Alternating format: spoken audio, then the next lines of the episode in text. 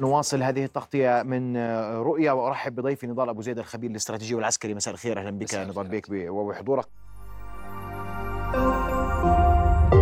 رؤيا بودكاست. قبل أن أبدأ معك فقط نتحدث عما دار اليوم من معارك في قطاع غزة. الاحتلال نفذ اليوم اجتياحا جزئيا للقطاع.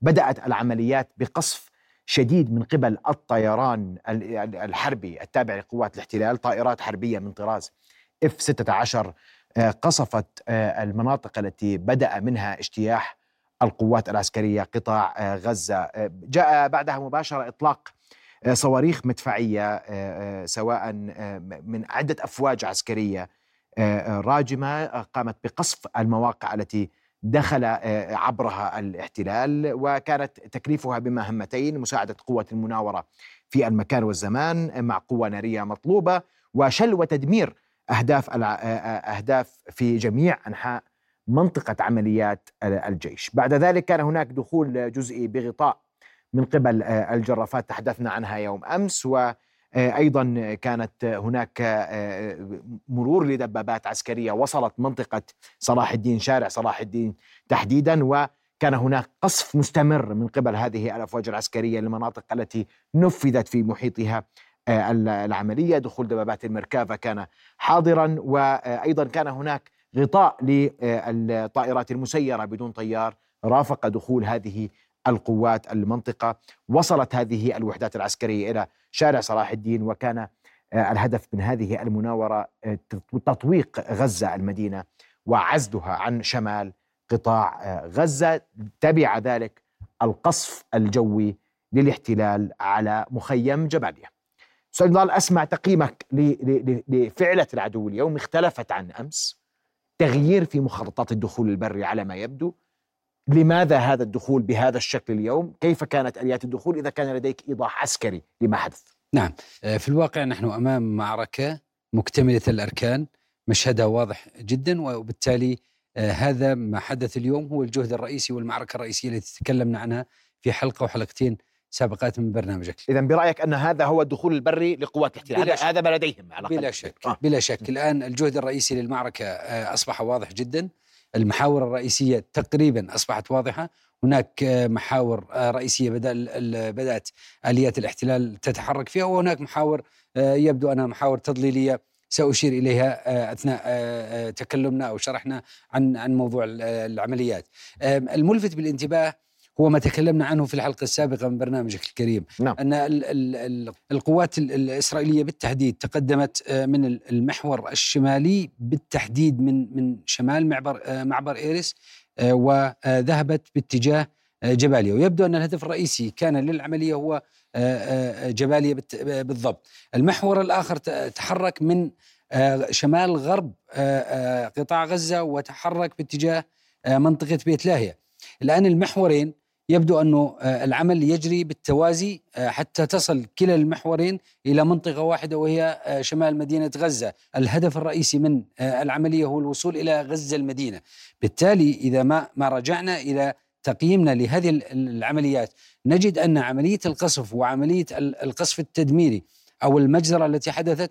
هذه المجزرة حدثت في في منطقة تعرف بمنطقه آه، الترنس وهي المنطقة شمال جباليا بالتحديد كانت في آه، شمال جباليا هذا يشير على أن قوات الاحتلال يبدو انها الهجوم استعصى في مناطق جباليا اضطرت آه، إلى الاندفاع واستخدام القصف الثقيل في تلك المنطقة مما أدى إلى ارتكاب الجريمة التي شاهدناها والتي تسببت بمقتل 400 مدني من العزل.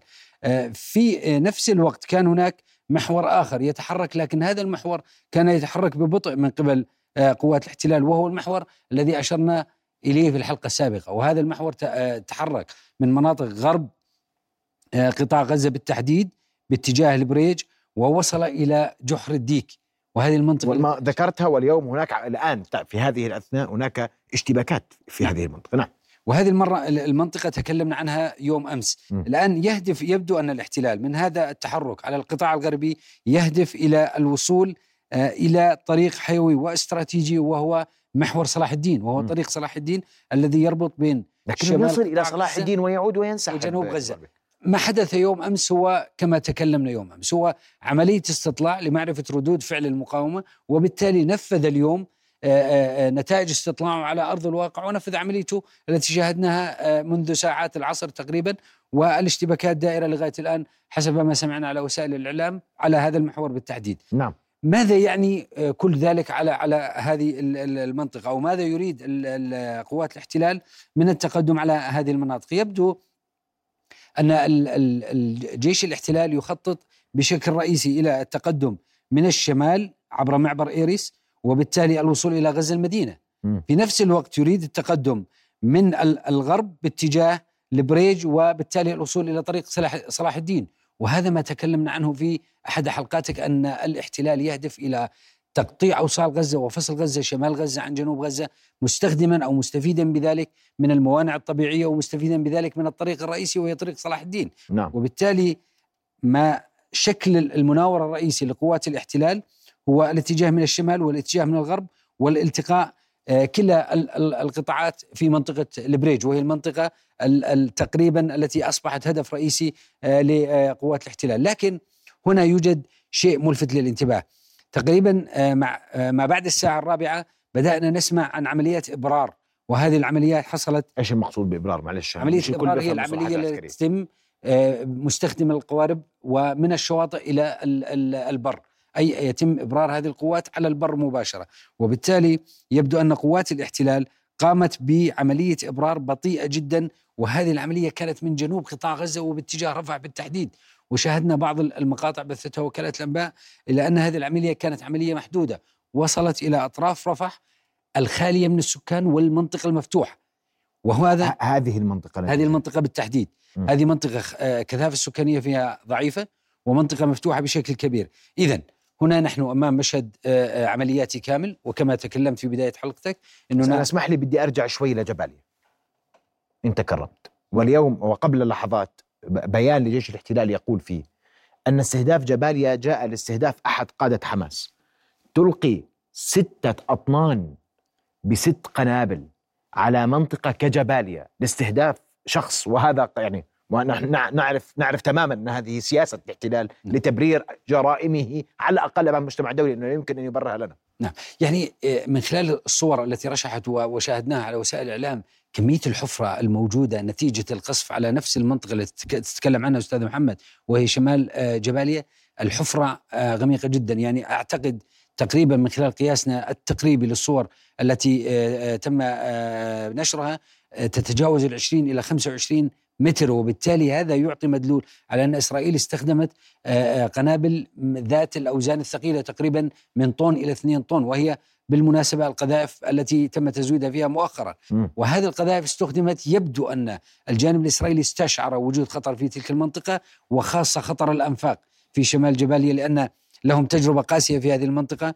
أثناء الاستطلاع الأولي والذي تكلمنا عنه آه، في برنامجك الكريم لذلك استخدموا هذا النوع من القذائف حتى يبرروا هذا القتل المتعمد آه، ضد مدنيين عزل قالوا أنه آه، نحن استهدفنا أحد قيادات حماس في تلك المنطقة. لأنني لا أعتقد أن هذه الكمية الضخمة من المتفجرات والذي أشرت إليها حضرتك أستاذ محمد أنها تستهدف شخص واحد قيادي موجود في تلك المنطقة. أنا أعتقد أن الاستهداف كان استهدافا لمنطقة فيها أنفاق أو فيها مناطق قد تستخدم ضد قوات الاحتلال وكان الاحتلال يتحسب من هذه المنطقة كثيرا. طب أنا بدي أعرف منك اليوم السيناريوهات القادمة بعد هذا التوغل وعلى ما يبدو وعشان نتفق إحنا كنا نحكي معلومة مهمة جدا وهي السيطرة على الأرض. نعم.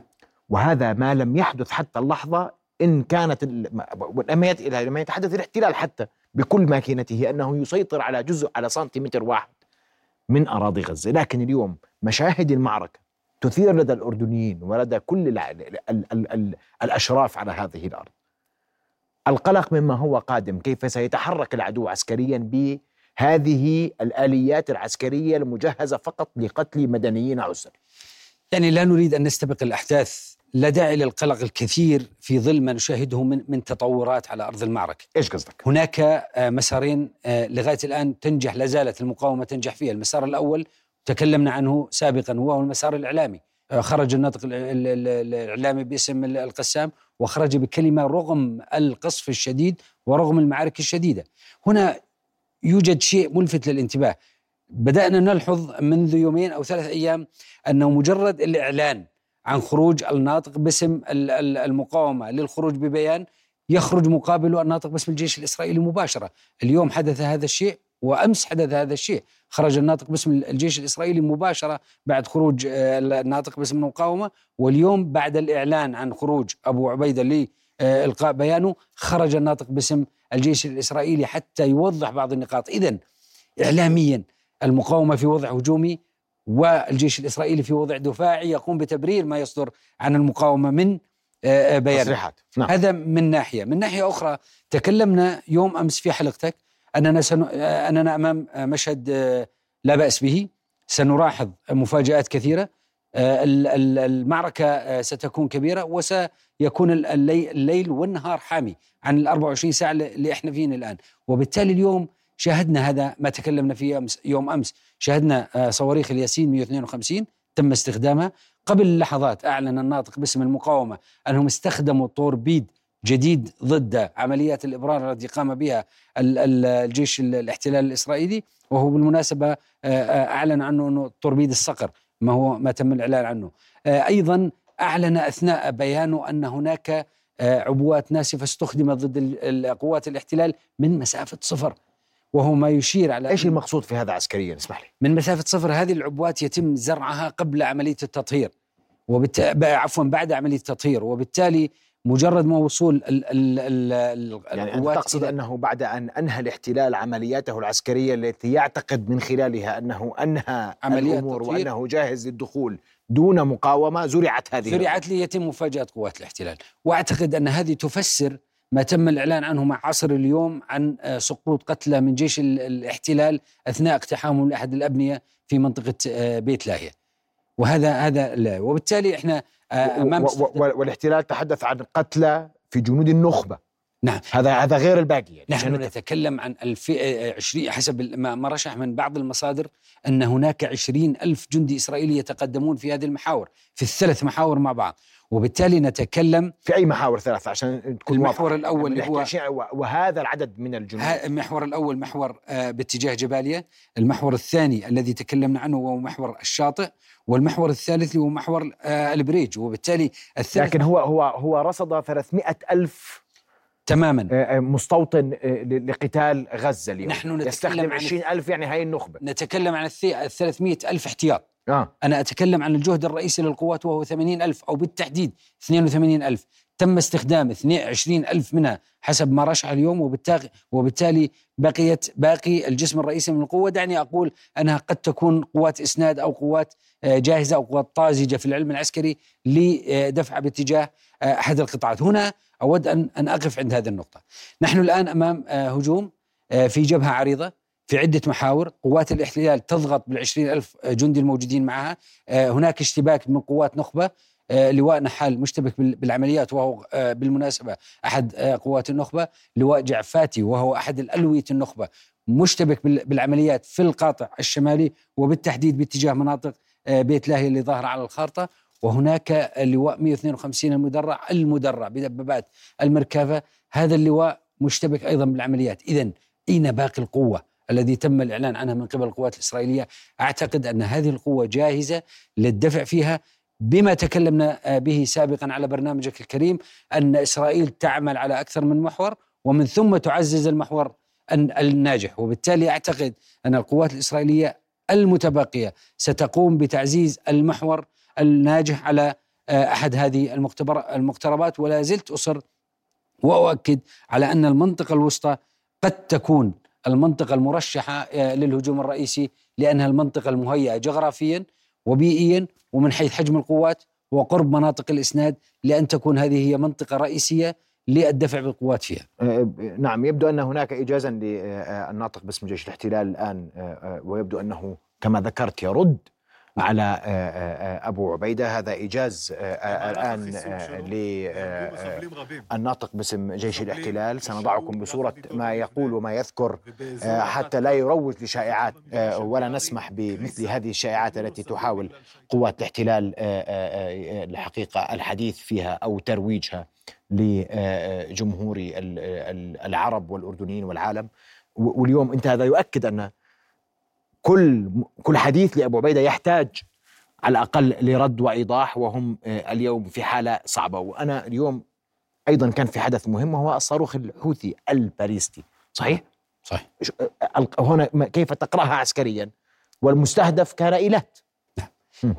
يعني آه، الحوثيين أعلنوا أنهم دخلوا بالعمليات، بالمناسبة هذه ليست أول عملية للحوثيين وليس أول قصف للحوثيين للأراضي المحتلة، هناك ثلاث عمليات سابقة، العملية الأولى كانت تقريبا قبل عشر أيام من الآن وقامت أحد المدمرات الأمريكية. قبل ذلك فقط أن أوضح أن أن أن ما يتحدث به المتحدث العسكري آه، آه، لقوات الاحتلال آه، يتحدث عن استهداف جباليا تحديدا ويقول أن المستهدف هو أحد المسؤولين عن المعارك في شمال قطاع غزة منذ بدء الحرب وهو قيادي كبير في حركة حماس وفق ادعاء المتحدث العسكري باسم جيش الاحتلال هذا الهجوم الذي ارتقى إثره آه، آه، المئات من آه، أبناء غزة اليوم عصرا. هذا هذا ما بدأ المتحدث باسم جيش الاحتلال الحديث عنه في هذا المؤتمر. تفضل سيدي أعود لموضوع الحوثيين. تفضل.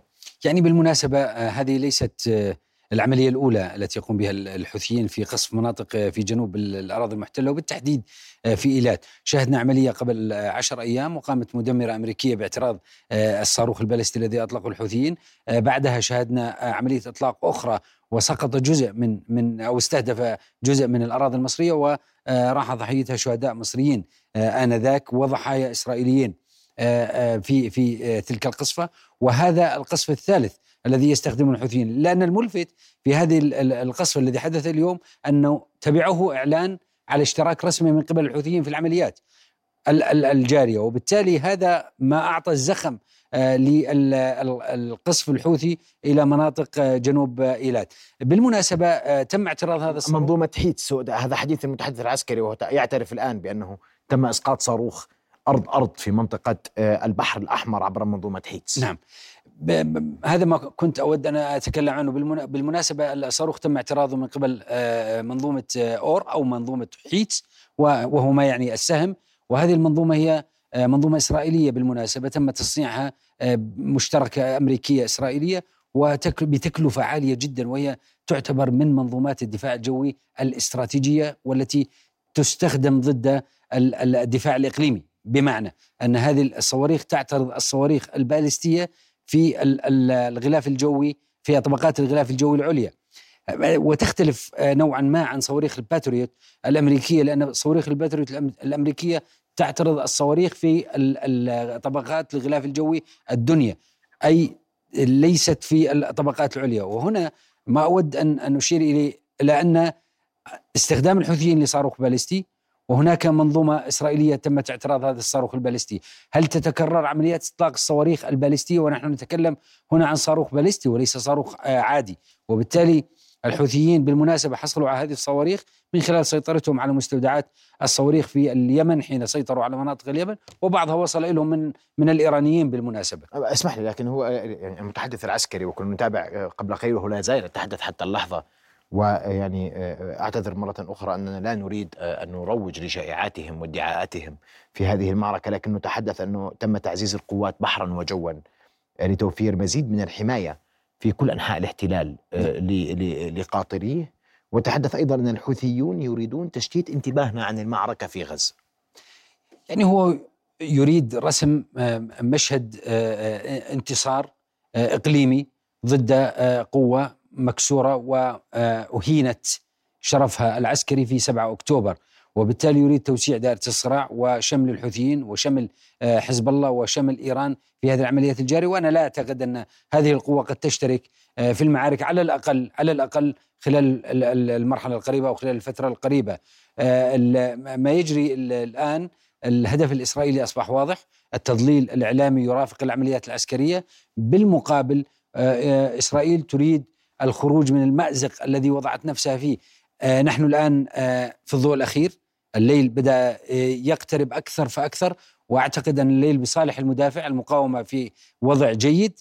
لا أقول في وضع صعب رغم الخسائر التي شاهدناها في الصفوف المدنيين ولكن بالمناسبة في العلم العسكري هذا النوع من المعارك يعرف بمعارك الجبناء أي أن القوات الإسرائيلية لا تستطيع مواجهة المسلحين والمقاومة وبالتالي تتجه إلى المدنيين العزل وهذا ما يعرف بمعارك الجبناء التي تقوم بها الإسرائيليين ضد المدنيين العزل. ماشي كويس بس أنا أنا بدي أكون واضح وصريح معك نضال معلش. أنا بدي أحكي بحكي اليوم عسكريا أنا بحكي مع الناس في الجانب العسكري والشق العسكري مع اختلاف القوة وموازين القوة. والحديث اليوم عما تفرضه المقاومة على الأرض إن صح ذلك أو ما يفرضه الاحتلال على الأرض. وبرأيك اليوم من يفرض إطار المعركة؟ على الآخر. لأن المقاومة تقول بصراحة أنها تجر العدو لما تريد والاحتلال يقول أنه يقتحم ويدخل ويحقق إنجازات واهمة لأن لا نراها على الأرض حقيقة لا تستمر لأكثر من ساعات. يعني بداية مبكر جدا الحكم على العمليات إلا ما بعد آه، ما بعد الساعات الليل وانكشاف الليل. نحن نت... إذا ما عدنا إلى الخارطة مرة أخرى أستاذ محمد فضل. تكرمت نعم. آه، فقط أود أن أشير إلى نقطتين. نتكلم أو أو الاحتلال على لسان الاحتلال يتكلم أنه تقدم آه، في مناطق في المنطقة الشمالية باتجاه جباليا، جباليا تبعد عن عن عن الشريط الحدودي من أربعة إلى خمسة كيلو متر تكلم عن تقدم باتجاه المحور الغربي وهو مناطق البريج باتجاه جحر الديك. وهذه المنطقة لا تبعد أكثر من من ثلاثة كيلومتر عن حدود غزة. ما زال الاحتلال بعيدا عن غزة المدينة ما زال الاحتلال بعيدا عن آه، قلب قطاع غزة ولم يصل إلى الطريق العرضاني أو طريق صلاح الدين ولم يصل أصلا آه، إلى وادي غزة حتى يستطيع تحقيق هدفه الميداني وهو فصل الشمال عن الجنوب وبالتالي لغاية اللحظة لا نستطيع أن نقول أن آه، قوات الاحتلال تتقدم وقوات الاحتلال تقدم نجاحات إذا ما شاهدنا بشكل فعلي على الأرض آه، هذه معارك. وهذه معارك كر وفر قد تتقدم آه، نوعا ما قوات الاحتلال وتروج على أنها تقدمت لكن ما تلبث أن تنسحب من من مناطق تقدمها بسبب قوة المقاومة. أنا أنا سألتك السؤال وأعيده بوضوح. من يفرض الواقع على الأرض اليوم برأيك عسكريا من يفرض واقع المعركة على الأرض؟ هل الاحتلال هو من يفرض أم أن المقاومة في حالتها الدفاعية هي من تفرض عليه الدخول والخروج بهذه الطريقة. المقاومة فرضت عليه المحاور وفرضت عليه طرق التقدم وفرضت عليه توقيت التقدم. كيف؟ المقاومة آه، ما زالت تتحكم بالتوقيت ما زالت تمتلك توازنها ومن خلال بياناتها ورغم القصف والمعارك تستطيع الخروج والخروج ببيانات عسكرية وبالتالي ما دامت نجحت في تحديد عامل الزمن وعامل المكان لقوات الاحتلال أعتقد أنها لا زالت آه، تتماسك أو متماسكة معلش. وتتحكم بقواعد اللعبة. هي من تتحكم نعم. هذا رأيك. نعم. وأنا هنا بدي أسألك سؤال. البعض يقول أن جيش الاحتلال هو من يختار توقيت الدخول. هذا رقم واحد وهو من غير آليات الدخول. هذا رقم اثنين ورقم ثلاثة أنه يضرب بشدة المناطق التي يدخل إليها. لذلك فهو لا يتيح للمقاومة في هذه المناطق استخدام ما لديها من بنى تحتية إن كان لديها بنى تحتية أو أنفاق لأنها مناطق مدمرة بالكامل. شفنا جبال اليوم يعني المنطقة التي قصفت في جباليا ردمت على يعني بأكملها. نعم. إن كان آه، آه، الجيش الاحتلال نجح في تحديد الزمان والمكان منذ 24 48 ساعة ماضية كان يناور في محاولة لاختيار المكان الأنسب له م. ووجد أن محور صلاح الدين الذي تقدم عليه وهي الطريق السريع هو أنسب مكان لأنه تقدم لمسافة الثلاثة كيلومتر وبدون أي مقاومة تذكر وهذا تكلمنا فيه سابقا. إذا لماذا اتجه إلى المحور الشمالي وهو يعرف أن المحور الغربي هو الأنسب له؟ أعتقد أن المقاومة جرته إلى منطقة تقتيل في مناطق شمال جبال ما بين مناطق شمال جباليا وما بين مناطق بيت لاهية وبالتالي يعني هاي المناطق التي جرت أو نجحت المقاومة في جر الاحتلال لها مرورا من معبر إيريتس آه، باتجاه آه، جباليا وبالتالي هنا آه، نجح نجحت المقاومة بفرض الاحتلال بأن يتقدم إلى مناطق جباليا، بالمقابل تقدم أيضا إلى مناطق بيت لاهية. هاي المنطقتين الذي تقدم إلى قوات الاحتلال وانحصرت ما بين مدينة غزة ومخيم الشاطئ بيت لاهية ومخيم جباليا أعتقد أنها منطقة تقتيل أرادت المقاومة وضع آه، آه، جيش الاحتلال بها واستخدمت ما تم استخدامه في البيان الذي أعلن عنه آه، الناطق باسم المقاومة. المزيد من هذه المشاهد قد نتابعها خلال الساعات والأيام القادمة وهناك ترقب لما سيكون يوم الجمعة من إعلان لحزب الله وهناك أيضا ترقب لمدى قدرة الاحتلال على التعامل مع الضحايا اليوم مع قتلاه اليوم على أقل تقدير وهو يعلن عن اسمين اليوم الحديث حديث المقاومة حديث أبو عبيدة أن هناك المزيد من القتلى والجرحى في صفوفه ولكن يعني اعتدنا عليه أنه يؤخر ذلك في بعض الأحيان. بيقدمها على جرعات عشان يعني يخفف. بيان آه، أو, أو ما تحدث فيه وزير الدفاع الإسرائيلي جالنت قبل ساعة أو ساعة ونصف من الآن كان واضح جدا قالب حرفيا تقدمنا واستطعنا آه، آه، التقدم إلى مسافات جيدة إلا أننا قدمنا فاتورة تكاليف عالية جدا. وبالتالي عالي هذا ما ما ما قاله حرفيا. وبالتالي هو يدرك تماما أن لديه خسائر في الآليات وخسائر بشرية رغم أن الإعلان عن عن آه، قتيل أو قتيلين في صفوف الجيش الإسرائيلي ولا أعتقد أن هذه الأرقام حقيقية.